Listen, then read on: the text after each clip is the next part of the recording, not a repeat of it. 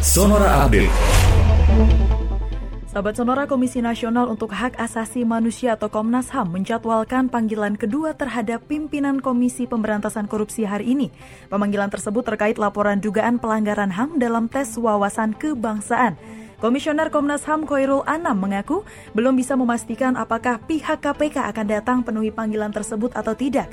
Dia hanya memastikan bahwa pihaknya akan mengadakan konferensi pers terkait pemanggilan kedua KPK ini pada siang nanti.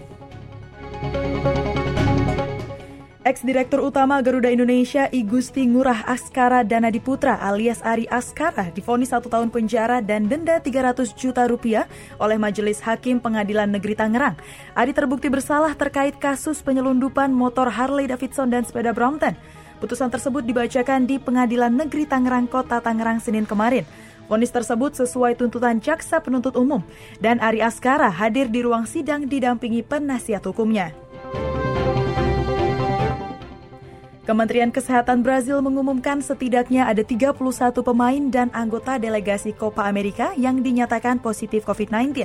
Brazil yang menjadi tuan rumah dalam turnamen ini mengatakan ada 10 kasus lainnya dikonfirmasi yang terjadi di antara karyawan yang bekerja di hotel tempat para pemain dan delegasi mereka tinggal di Brasilia.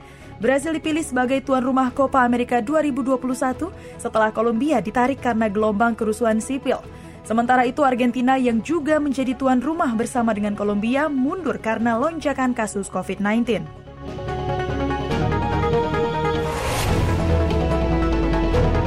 Demikian Sonora Update.